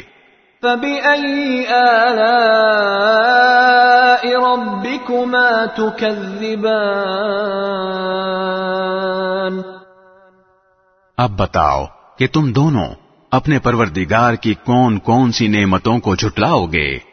وَلِمَنْ خَافَ مَقَامَ رَبِّهِ جَنَّتَانِ اور جو شخص دنیا میں اپنے پروردگار کے سامنے کھڑا ہونے سے ڈرتا تھا اس کے لیے دو باغ ہوں گے۔ فَبِأَيِّ آلَاءِ رَبِّكُمَا تُكَذِّبَانِ. اب بتاؤ کہ تم دونوں اپنے پروردگار کی کون کون سی نعمتوں کو جھٹلاؤ گے ذَوَاتَا أَفْنَانِ دونوں باغ شاخوں سے بھرے ہوئے فَبِأَيِّ آلَاءِ رَبِّكُمَا تُكَذِّبَانِ اب بتاؤ کہ تم دونوں اپنے پروردگار کی کون کون سی نعمتوں کو جھٹلاؤ گے فِيهِمَا عَيْنَانِ تَجْرِيَانِ انہیں دو باغوں میں دو چشمے بہ رہے ہوں گے۔ فَبِأَيِّ آلَاءِ رَبِّكُمَا تُكَذِّبَانِ اب بتاؤ کہ تم دونوں اپنے پروردگار کی کون کون سی نعمتوں کو جھٹلاؤ گے؟ فِيهِمَا مِن كُلِّ فَاكِهَةٍ زَوْجَانِ ان دونوں میں ہر پھل کے دو دو جوڑے ہوں گے۔ فَبِأَيِّ آلَاءِ رَبِّكُمَا تُكَذِّبَانِ اب بتاؤ کہ تم دونوں اپنے پروردگار کی کون کون سی نعمتوں کو جھٹلاؤ گے۔ متكئين على فرش بطائنها من استبرق وجنى الجنتين دان۔ وہ جنتی لوگ ایسے فرشوں پر تکیا لگائے ہوئے ہوں گے جن کے استر دبیز ریشم کے ہوں گے اور دونوں باغوں کے پھل جھکے پڑ رہے ہوں گے۔ فبأي آلاء ربكما تكذبان۔ اب بتاؤ کہ تم دونوں اپنے پروردگار کی کون کون سی نعمتوں کو جھٹلاؤ گے؟ فيهن قاصرات الطرف لم يطمثهن إنس قبلهم ولا جان انہیں باغوں میں وہ نیچی نگاہ والیاں ہوں گی جنہیں ان جنتیوں سے پہلے نہ کسی انسان نے کبھی چھوا ہوگا اور نہ کسی جن نے۔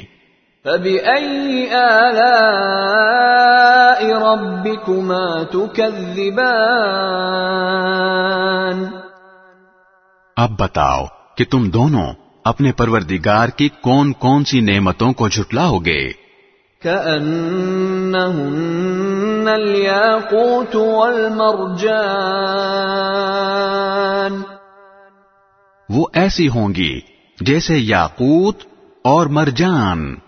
فبأي آلاء ربكما تكذبان اب بتاؤ کہ تم دونوں اپنے پروردگار کی کون کون سی نعمتوں کو جھٹلاؤ گے۔ هل جزاء الإحسان إلا الإحسان اچھائی کا بدلہ اچھائی کے سوا اور کیا ہے؟ فبأي آلاء ربكما تكذبان؟ اب بتاؤ کہ تم دونوں اپنے پروردگار کی کون کون سی نعمتوں کو جھٹلاؤ گے؟ ومن دونهما جنتان اور ان دو باغوں سے کچھ کم درجے کے دو باغ اور ہوں گے۔ فبأي آلاء ربكما تكذبان اب بتاؤ کہ تم دونوں اپنے پروردگار کی کون کون سی نعمتوں کو جھٹلاؤ گے مدهامتان دونوں سبزے کی کثرت سے سیاہی کی طرف مائل۔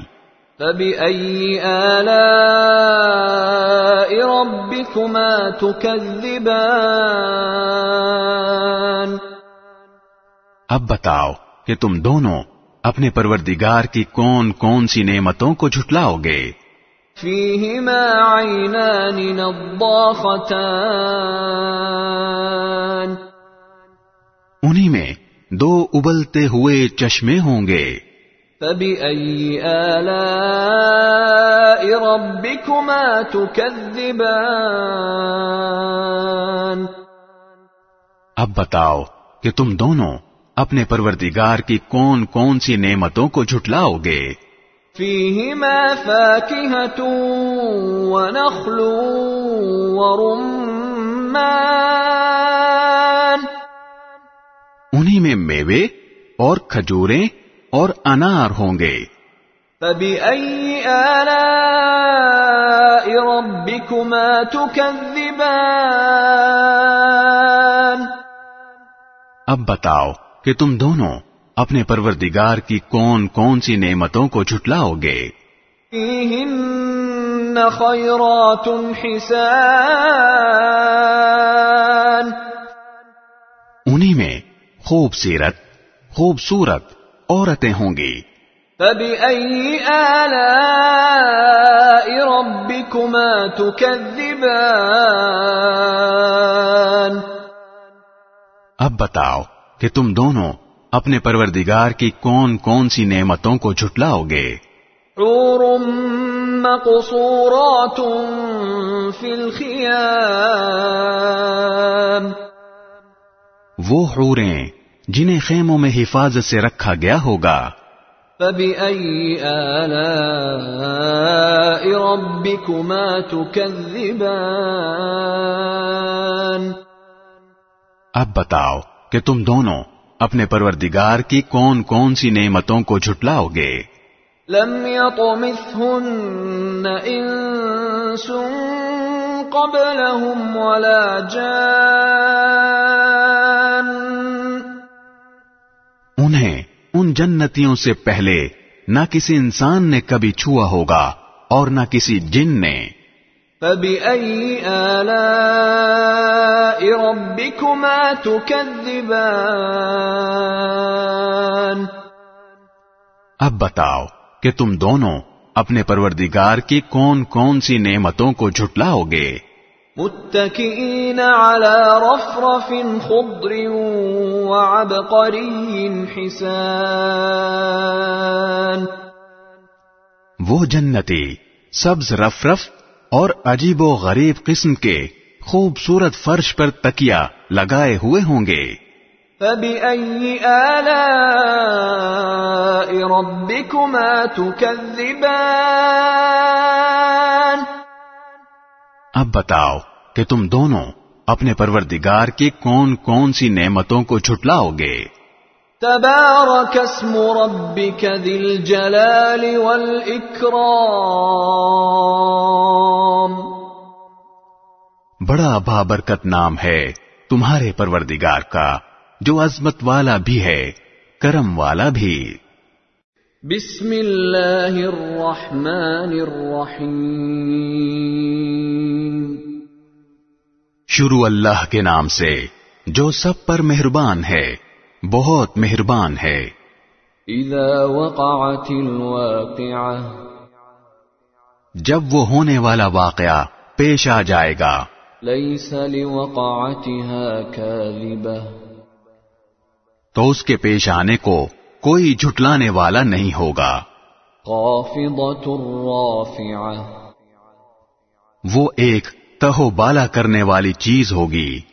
إذا رجت الأرض رجا۔ جب زمین ایک بھونچال سے جھنجھوڑ دی جائے گی۔ وبست الجبال بسا۔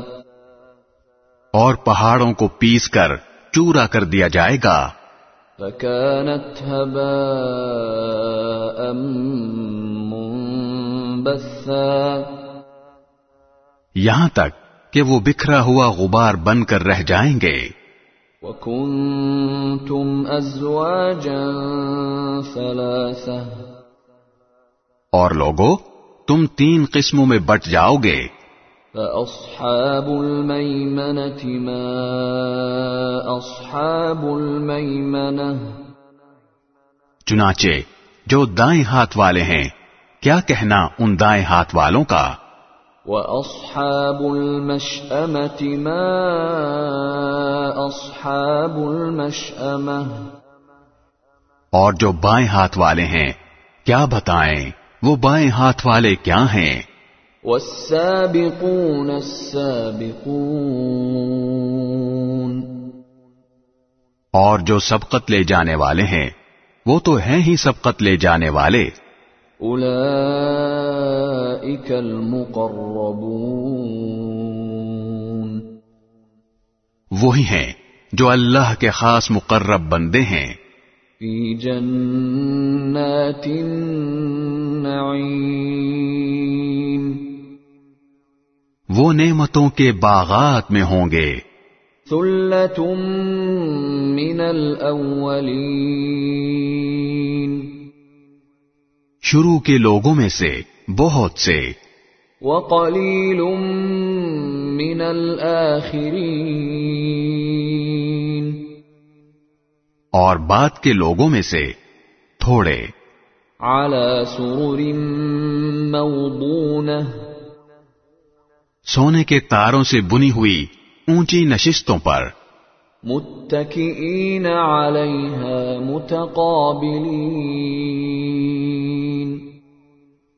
ایک دوسرے کے سامنے ان پر تکیا لگائے ہوئے۔ يطوف عليهم ولدان مخلدون۔ سدا رہنے والے لڑکے ان کے سامنے گردش میں ہوں گے۔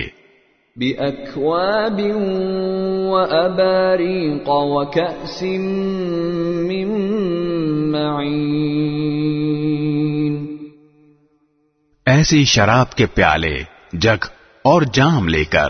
لا يصدعون عنها ولا ينزفون۔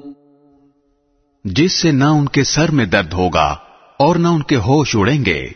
وفاكهة مما يتخيرون اور وہ پھل لے کر جو وہ پسند کریں۔ ولحم طير مما يشتهون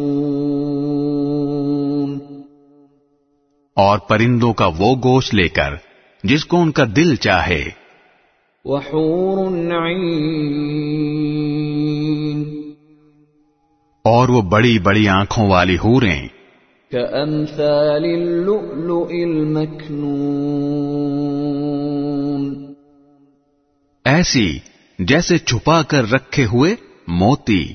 جزاء بما كانوا يعملون یہ سب بدلہ ہوگا ان کاموں کا جو وہ کیا کرتے تھے۔ لا يسمعون فيها لغوا ولا تأثيما. وہ اس جنت میں نہ کوئی بےحودہ بات سنیں گے اور نہ کوئی گناہ کی بات۔ إلا قيلا سلاما سلاما۔ ہاں جو بات ہوگی سلامتی ہی سلامتی کی ہوگی۔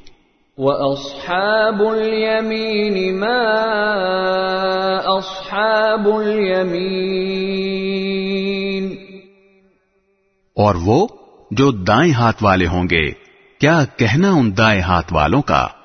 في سدر مخضود وہ عیش کریں گے کانٹوں سے پاک بیریوں میں۔ وطلح منضود. اور اوپر تلے لدے ہوئے کیلے کے درختوں میں وظل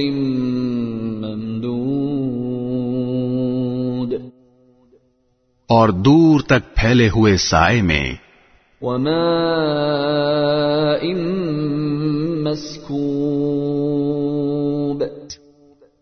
اور بہتے ہوئے پانی میں وفاكهة كثيرة. اور ڈھیر سارے پھلوں میں لا مقطوعة ولا ممنوعة. جو نہ کبھی ختم ہوں گے اور نہ ان پر کوئی روک ٹوک ہوگی۔ وفرش مرفوعة. اور اونچے رکھے ہوئے فرشوں میں۔ إنا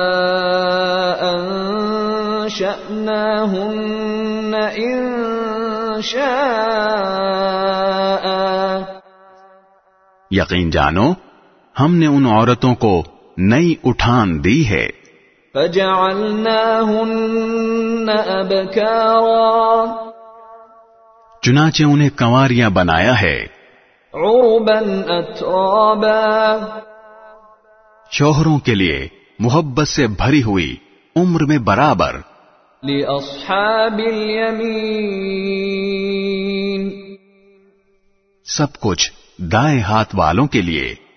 ثلة من الأولين جن میں سے بہت سے شروع کے لوگوں میں سے ہوں گے۔ وثلة من الآخرين اور بہت سے بعد والوں میں سے۔ وأصحاب الشمال ما أصحاب الشمال اور جو بائیں ہاتھ والے ہیں کیا بتائیں بائیں ہاتھ والے کیا ہیں؟ في سموم وحميم وہ ہوں گے تپتی ہوئی لو میں اور کھولتے ہوئے پانی میں۔ وظل من يحموم اور سیاہ دھوئیں کے سائے میں لا بارد ولا كريم جو نہ ٹھنڈا ہوگا نہ کوئی فائدہ پہنچانے والا۔ إنهم كانوا قبل ذلك مترفين یہ لوگ اس سے پہلے بڑے عیش میں تھے۔ وكانوا يصرون على الحنث العظيم اور بڑے بھاری گناہ پر اڑے رہتے تھے۔ وكانوا يقولون أإذا متنا وكنا ترابا وعظاما أإنا لمبعوثون اور کہا کرتے تھے کہ کیا جب ہم مر جائیں گے اور مٹی اور ہڈیاں بن کر رہ جائیں گے تو کیا ہمیں دوبارہ زندہ کیا جائے گا؟ آباؤنا الأولون؟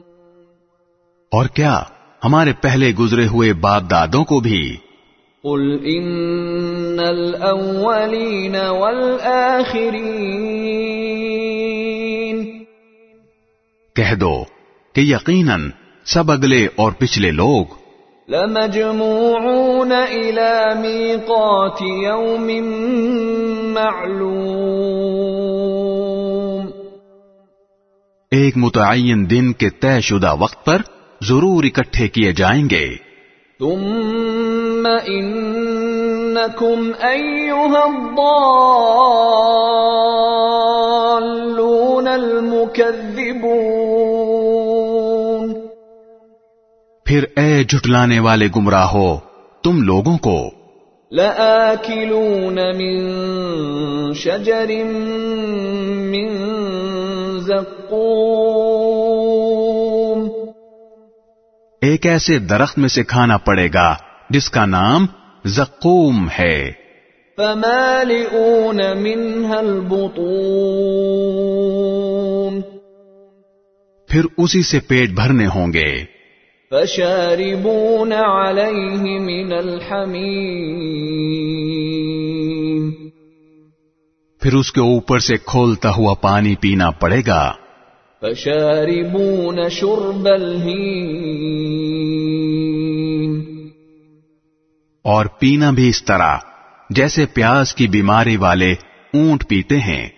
هذا نزلهم يوم الدين یہ ہوگی جزا و سزا کے دن ان لوگوں کی مہمانی۔ نحن خلقناكم فلولا تصدقون۔ ہم نے تمہیں پیدا کیا ہے پھر تم تصدیق کیوں نہیں کرتے؟ افرأيتم ما تمنون۔ ذرا یہ بتلاؤ کہ جو نطفہ تم ٹپکاتے ہو أأنتم تخلقونه أم نحن الخالقون کیا اسے تم پیدا کرتے ہو یا پیدا کرنے والے ہم ہیں؟ نحن قدرنا بينكم الموت وما نحن بمسبوقين ہم نے ہی تمہارے درمیان موت کے فیصلے کر رکھے ہیں۔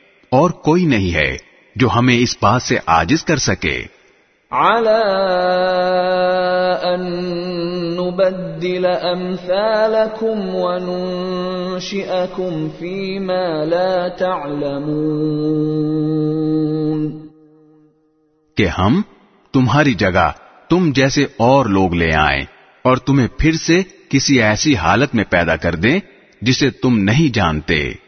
وَلَقَدْ عَلِمْتُمُ النَّشْأَةَ الْأُولَى فَلَوْلَا تَذَكَّرُونَ اور تمہیں اپنی پہلی پیدائش کا پورا پتہ ہے پھر کیوں سبق نہیں لیتے؟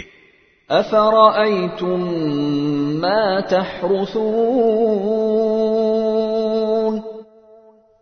اچھا یہ بتاؤ کہ جو کچھ تم زمین میں بوتے ہو أَأَنتُمْ تَزْرَعُونَهُ أَمْ نَحْنُ الزَّارِعُونَ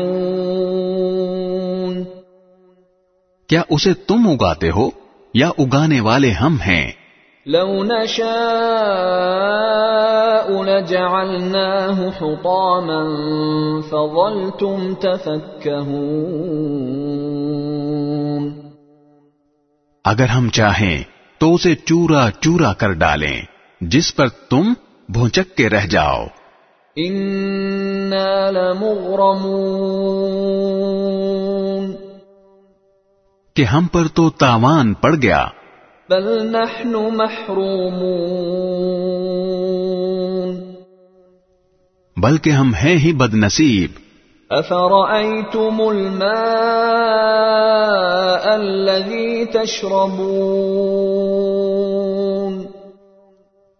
اچھا یہ بتاؤ کہ یہ پانی جو تم پیتے ہو أأنتم أنزلتموه من المزن أم نحن المنزلون؟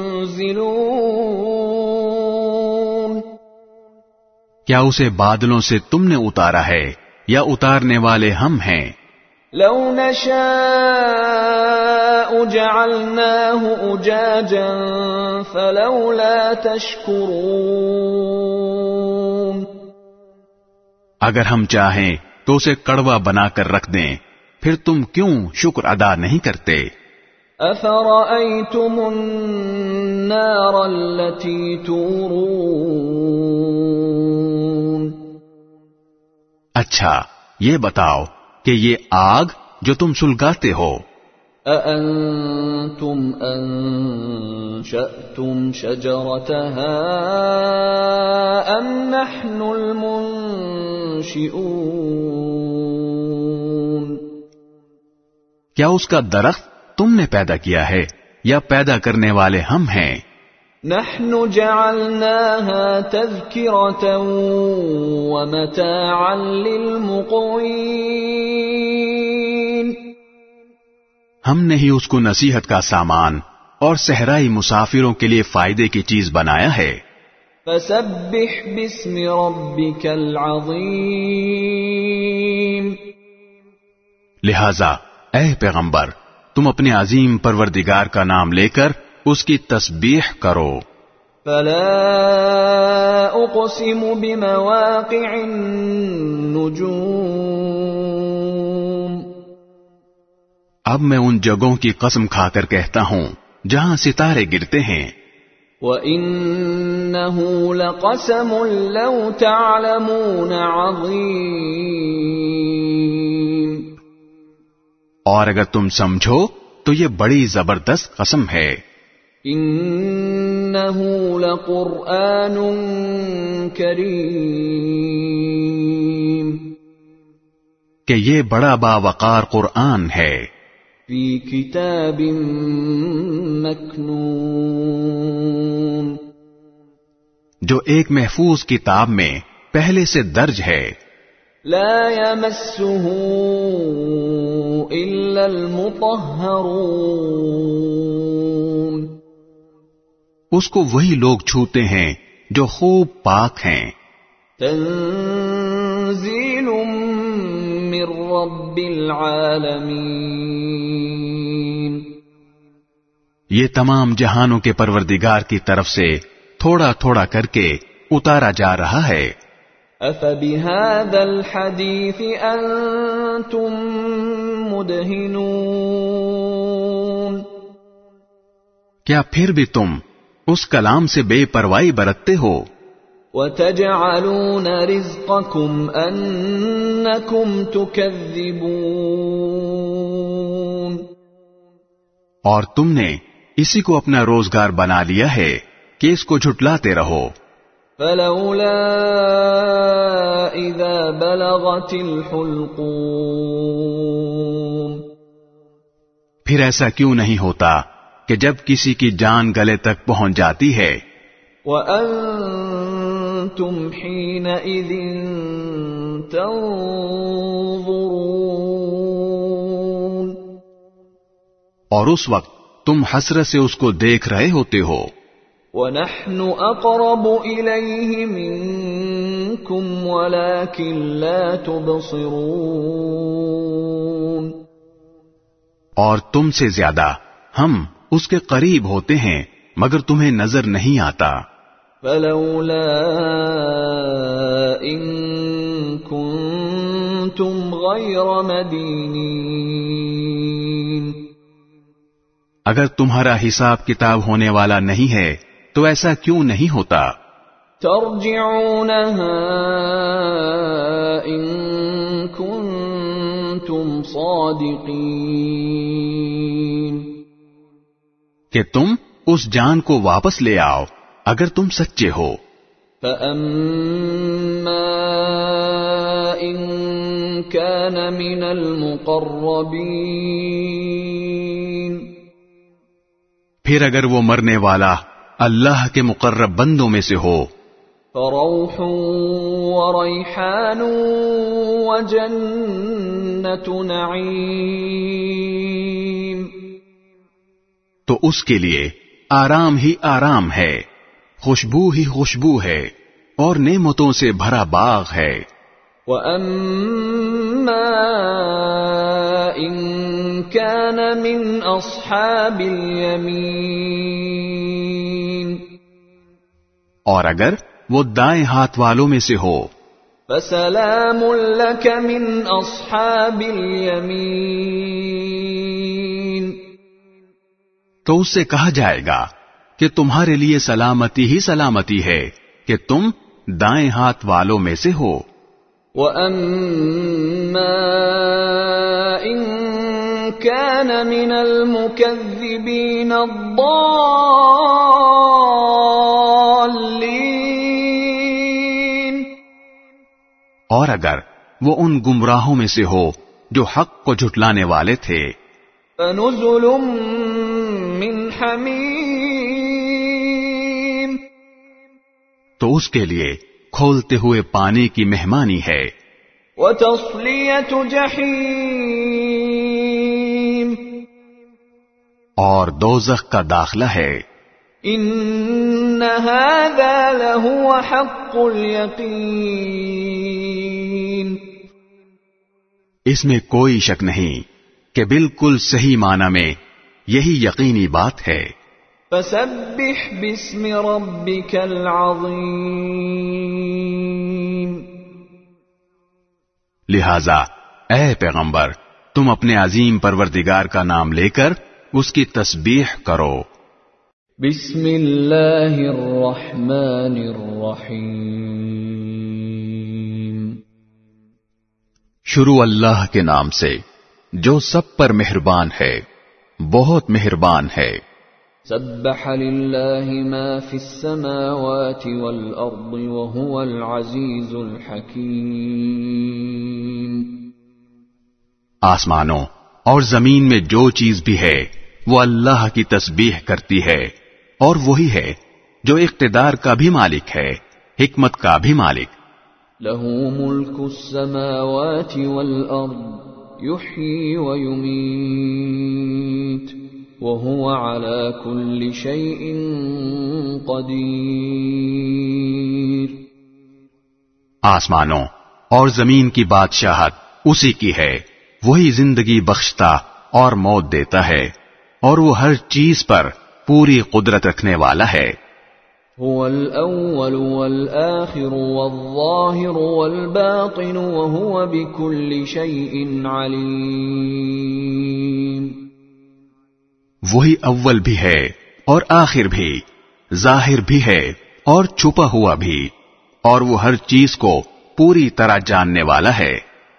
هو الذي خلق السماوات والأرض في ستة أيام ثم استوى على العرش.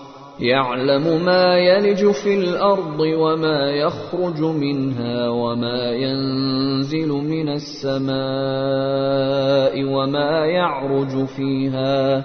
وهو معكم أينما كنتم. واللہ بما تعملون بصیر۔ وہی ہے جس نے آسمانوں اور زمین کو چھ دن میں پیدا کیا، پھر عرش پر استوا فرمایا۔ وہ ہر اس چیز کو جانتا ہے جو زمین میں داخل ہوتی ہے اور جو اس سے نکلتی ہے، اور ہر اس چیز کو جو آسمان سے اترتی ہے اور جو اس میں چڑھتی ہے، اور تم جہاں کہیں ہو، وہ تمہارے ساتھ ہے۔ اور جو کام بھی تم کرتے ہو اللہ اس کو دیکھتا ہے۔ له ملك السماوات والأرض وإلى الله ترجع الأمور۔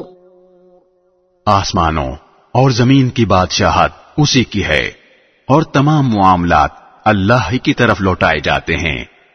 يولج الليل في النهار ويولج النهار في الليل وهو عليم بذات الصدور وہ رات کو دن میں داخل کر دیتا ہے اور دن کو رات میں داخل کر دیتا ہے اور وہ سینوں میں چھپی ہوئی باتوں کو خوب جانتا ہے۔ آمنوا بالله ورسوله وأنفقوا مما جعلكم مستخلفين فيه فالذين آمنوا منكم وأنفقوا لهم أجر كبير اللہ اور اس کے رسول پر ایمان رکھو اور جس مال میں اللہ نے تمہیں قائم مقام بنایا ہے، اس میں سے اللہ کے راستے میں خرچ کرو۔ چنانچہ تم میں سے جو لوگ ایمان لائے ہیں اور انہوں نے اللہ کے راستے میں خرچ کیا ہے، ان کے لیے بڑا اجر ہے۔ وما لكم لا تؤمنون بالله والرسول يدعوكم لتؤمنوا بربكم وقد أخذ ميثاقكم إن كنتم مؤمنين۔ اور تمہارے لیے کون سی وجہ ہے کہ تم اللہ پر ایمان نہ رکھو؟ حالانکہ رسول تمہیں دعوت دے رہے ہیں کہ تم اپنے پروردگار پر ایمان رکھو۔ اور وہ تم سے عہد لے چکے ہیں اگر تم واقعی مومن ہو هو الذي ينزل على عبده آيات بينات ليخرجكم من الظلمات إلى النور وإن الله بكم لرؤوف رحيم اللہ وہی تو ہے جو اپنے بندے پر کھلی کھلی آیتیں نازل فرماتا ہے، تاکہ تمہیں اندھیریوں سے نکال کر روشنی میں لائے۔ اور یقین جانو، اللہ تم پر بہت شفیق، بہت مہربان ہے۔ وما لكم ألا تنفقوا في سبيل الله ولله ميراث السماوات والأرض لا يستوي منكم من أنفق من قبل الفتح وقاتل. أولئك أعظم درجة من الذين أنفقوا من بعد وقاتلوا. وكلا وعد الله الحسنى. والله بما تعملون خبير اور تمہارے لیے کون سی وجہ ہے کہ تم اللہ کے راستے میں خرچ نہ کرو؟ حالانکہ آسمانوں اور زمین کی ساری میراث اللہ ہی کے لیے ہے۔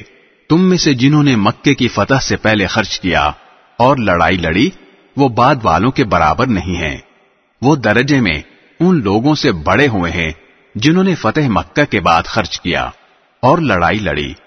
یوں اللہ نے بھلائی کا وعدہ ان سب سے کر رکھا ہے اور تم جو کچھ کرتے ہو، اللہ اس سے پوری طرح باخبر ہے۔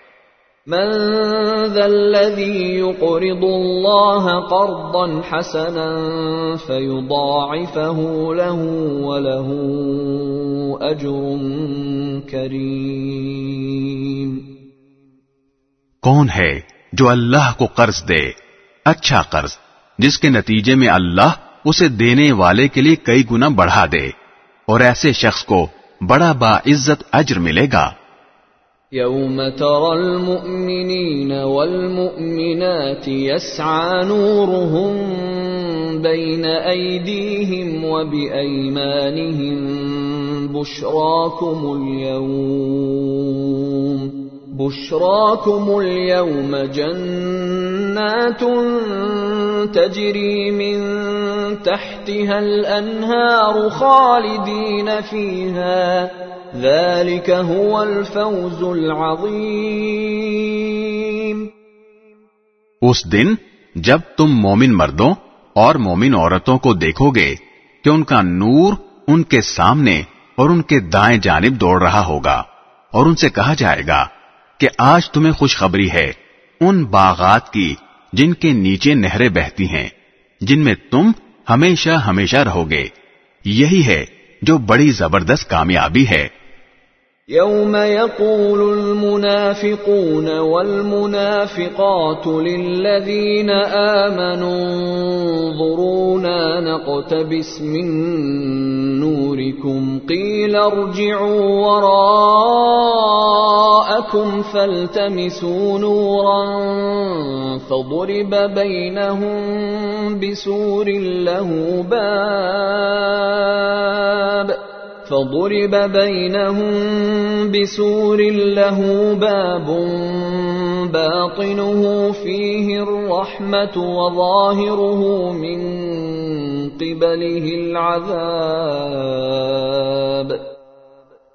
اس دن جب منافق مرد اور منافق عورتیں ایمان والوں سے کہیں گے کہ ذرا ہمارا انتظار کر لو کہ تمہارے نور سے ہم بھی کچھ روشنی حاصل کر لیں۔ ان سے کہا جائے گا کہ تم اپنے پیچھے لوٹ جاؤ، پھر نور تلاش کرو، پھر ان کے درمیان ایک دیوار حائل کر دی جائے گی، جس میں ایک دروازہ ہوگا، جس کے اندر کی طرف رحمت ہوگی اور باہر کی طرف عذاب ہوگا۔ ينادونهم ألم نكن معكم؟ قالوا بلى ولكنكم فتنتم أنفسكم. ولكنكم فتنتم أنفسكم وتربصتم وارتبتم وغرتكم الأماني حتى جاء أمر الله وغركم بالله الغرور. وہ مومنوں کو پکاریں گے کہ کیا ہم تمہارے ساتھ نہیں تھے مومن کہیں گے کہ ہاں تھے تو صحیح، لیکن تم نے خود اپنے آپ کو فتنے میں ڈال لیا اور انتظار میں رہے، شک میں پڑے رہے اور جھوٹی آرزوؤں نے تمہیں دھوکے میں ڈالے رکھا۔ یہاں تک کہ اللہ کا حکم آ گیا اور وہ بڑا دھوکے باز یعنی شیطان، تمہیں اللہ کے بارے میں دھوکہ ہی دیتا رہا۔ فَالْيَوْمَ لَا يُؤْخَذُ مِنْكُمْ فِدْيَةٌ وَلَا مِنَ الَّذِينَ كَفَرُوا مَأْوَاكُمُ النَّارُ هِيَ مَوْلَاكُمْ وَبِئْسَ الْمَصِيرُ چنانچہ آج نہ تم سے کوئی فدیہ قبول کیا جائے گا اور نہ ان لوگوں سے جنہوں نے کھلے بندو کفر اختیار کیا تھا۔ تمہارا ٹھکانہ دوزخ ہے۔ وہی تمہاری رکھوالی ہے اور یہ بہت برا انجام ہے۔ أَلَمْ يَأْنِ لِلَّذِينَ آمَنُوا تَخْشَعَ قُلُوبُهُمْ لِذِكْرِ اللَّهِ وَمَا نَزَلَ مِنَ الْحَقِّ وَلَا يَكُونُوا كَالَّذِينَ أُوتُوا الْكِتَابَ مِن قَبْلُ فَطَالَ عَلَيْهِمُ الْأَمَدُ فَقَسَتْ قُلُوبُهُمْ وَكَثِيرٌ مِّنْهُمْ فَاسِقُونَ. جو لوگ ایمان لے آئے ہیں کیا ان کے لیے اب بھی وقت نہیں آیا کہ ان کے دل اللہ کے ذکر کے لیے اور جو حق اترا ہے، اس کے لیے پسیج جائیں اور وہ ان لوگوں کی طرح نہ بنے جن کو پہلے کتاب دی گئی تھی۔ پھر ان پر ایک لمبی مدت گزر گئی اور ان کے دل سخت ہو گئے اور آج ان میں سے بہت سے نافرمان ہیں۔ اعلموا ان اللہ يحيي الارض بعد موتها قد بينا لكم الايات لعلكم تعقلون خوب سمجھ لو کہ اللہ زمین کو اس کے مردہ ہو جانے کے بعد زندگی بخشتا ہے۔ ہم نے تمہارے لیے نشانیاں کھول کھول کر واضح کر دی ہیں تاکہ تم سمجھ سے کام لو۔ ان المصدقين والمصدقات واقرضوا الله قرضا حسنا يضاعف لهم يضاعف لهم ولهم اجر كريم یقیناً وہ جو صدقہ دینے والے مرد اور صدقہ دینے والی عورتیں ہیں اور انہوں نے اللہ کو قرض دیا ہے اچھا قرض۔ ان کے لیے اس صدقے کو کئی گنا بڑھا دیا جائے گا اور ان کے لیے با عزت اجر ہے۔ والذین آمنوا باللہ ورسله اولئک هم الصدیقون والشهداء عند ربهم لهم اجرهم ونورهم والذين كفروا وكذبوا باياتنا اولئك اصحاب الجحيم اور جو لوگ اللہ پر اور اس کے رسولوں پر ایمان لائے ہیں، وہی اپنے رب کے نزدیک صدیق اور شہید ہیں۔ ان کے لیے ان کا اجر اور ان کا نور ہے۔ اور جن لوگوں نے کفر اپنا لیا اور ہماری نشانیوں کو چھٹلایا وہ دو زخی لوگ ہیں اعلموا انما الحياة الدنيا لعب ولهو وزينه وتفاخر بينكم وتكاثر في الاموال والاولاد كمثل غيث أعجب الكفار نباته ثم يهيج فتراه مصفرا ثم يكون حطاما وفي الآخرة عذاب شديد ومغفرة من الله ورضوان وما الحياة الدنيا إلا متاع الغرور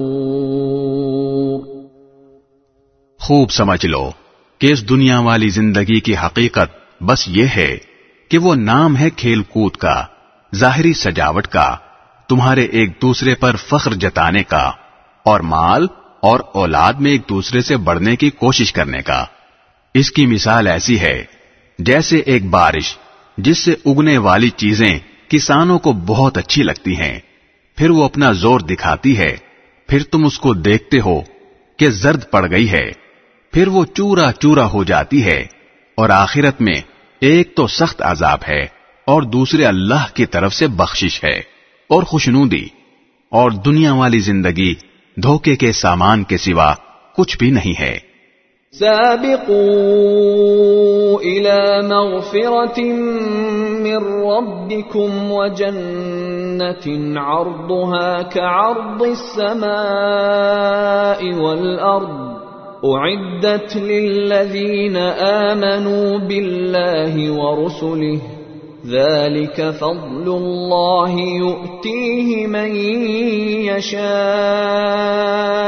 واللہ ذو الفضل العظیم ایک دوسرے سے آگے بڑھنے کی کوشش کرو، اپنے پروردگار کی بخشش کی طرف اور اس جنت کی طرف، جس کی چوڑائی آسمان اور زمین کی چوڑائی جیسی ہے۔ یہ ان لوگوں کے لیے تیار کی گئی ہے جو اللہ اور اس کے رسولوں پر ایمان لائے ہیں۔ یہ اللہ کا فضل ہے، جو وہ جس کو چاہتا ہے دیتا ہے اور اللہ بڑے فضل والا ہے ما أصاب من مصيبة في الأرض ولا في أنفسكم إلا في كتاب إلا في كتاب من قبل أن نبرأها. ان ذلك على اللہ يسیر کوئی مصیبت ایسی نہیں ہے جو زمین میں نازل ہوتی یا تمہاری جانوں کو لاحق ہوتی ہو، مگر وہ ایک کتاب میں اس وقت سے درج ہے جب ہم نے ان جانوں کو پیدا بھی نہیں کیا تھا۔ یقین جانو، یہ بات اللہ کے لیے بہت آسان ہے۔ لكي لا تأسوا على ما فاتكم ولا تفرحوا بما آتاكم والله لا يحب كل مختال فخور۔ یہ اس لیے تاکہ جو چیز تم سے جاتی رہے، اس پر تم غم میں نہ پڑو، اور جو چیز اللہ تمہیں عطا فرما دے، اس پر تم اتراؤ نہیں۔ اور اللہ کسی ایسے شخص کو پسند نہیں کرتا جو اطراہٹ میں مبتلا ہو شیخی بگاڑنے والا ہو۔ الذين يبخلون ويأمرون الناس بالبخل ومن يتول فإن الله هو الغني الحميد وہ ایسے لوگ ہیں جو کنجوسی کرتے ہیں اور دوسرے لوگوں کو بھی کنجوسی کی تلقین کرتے ہیں۔ اور جو شخص منہ مو موڑ لے، تو یاد رکھو کہ اللہ ہی ہے جو سب سے بے نیاز ہے، بذات خود قابل تعریف۔ لقد ارسلنا رسلنا بالبينات وانزلنا معهم الكتاب والميزان ليقوم الناس بالقسط. وأنزلنا الحديد فيه بأس شديد ومنافع للناس فيه بأس شديد ومنافع للناس وليعلم الله من ينصره ورسله بالغيب ان اللہ قوی عزیز حقیقت یہ ہے کہ ہم نے اپنے پیغمبروں کو کھلی ہوئی نشانیاں دے کر بھیجا اور ان کے ساتھ کتاب بھی اتاری اور ترازو بھی تاکہ لوگ انصاف پر قائم رہیں اور ہم نے لوہا اتارا جس میں جنگی طاقت بھی ہے اور لوگوں کے لیے دوسرے فائدے بھی اور یہ اس لیے تاکہ اللہ جان لے کہ کون ہے جو اس کو دیکھے بغیر اس کے دین کی اور اس کے پیغمبروں کی مدد کرتا ہے۔ یقین رکھو کہ اللہ بڑی قوت کا، بڑے اقتدار کا مالک ہے۔ وَلَقَدْ أَرْسَلْنَا نُوحًا وَإِبْرَاهِيمَ وَجَعَلْنَا فِي ذُرِّيَّتِهِمَا النُّبُوَّةَ وَالْكِتَابَ فَمِنْهُمْ مُهْتَدٍ وَكَثِيرٌ مِّنْهُمْ فَاسِقُونَ اور ہم نے نوح کو اور ابراہیم کو پیغمبر بنا کر بھیجا اور ان دونوں کی اولاد میں نبوت اور کتاب کا سلسلہ جاری کیا۔ پھر ان میں سے کچھ تو ہدایت پر آ گئے اور ان میں سے بہت سے لوگ نافرمان رہے۔ ثم قفينا على آثارهم برسلنا وقفينا بعيسى ابن مريم وآتيناه الإنجيل. وآتيناه الإنجيل وجعلنا في قلوب الذين اتبعوه رأفة ورحمة ورهبانية ابتدعوها ورهبانية ابتدعوها ما كتبناها عليهم ما كتبناها عليهم إلا ابتغاء رضوان الله فما رعوها حق رعايتها فآتينا الذين آمنوا منهم أجرهم وكثير منهم فاسقون پھر ہم نے ان کے پیچھے انہی کے نقش قدم پر اپنے اور پیغمبر بھیجے اور ان کے پیچھے عیسیٰ ابن مریم کو بھیجا اور انہیں انجیل عطا کی اور جن لوگوں نے ان کی پیروی کی، ان کے دلوں میں ہم نے شفقت اور رحم دلی پیدا کر دی اور جہاں تک رہبانیت کا تعلق ہے، وہ انہوں نے خود ایجاد کر لی تھی۔ ہم نے اس کو ان کے ذمے واجب نہیں کیا تھا، لیکن انہوں نے اللہ کی خوشنودی حاصل کرنی چاہی۔ پھر اس کی ویسی رعایت نہ کر سکے جیسے اس کا حق تھا۔ غرض، ان میں سے جو ایمان لائے تھے، ان کو ہم نے ان کا اجر دیا اور ان میں سے بہت لوگ نافرمان ہی رہے۔ أيها الذين آمنوا، اتقوا الله وآمنوا برسوله يؤتكم كفلين من رحمته۔ يؤتكم كفلين من رحمته ويجعل لكم نورا تمشون به ويغفر لكم والله غفور رحيم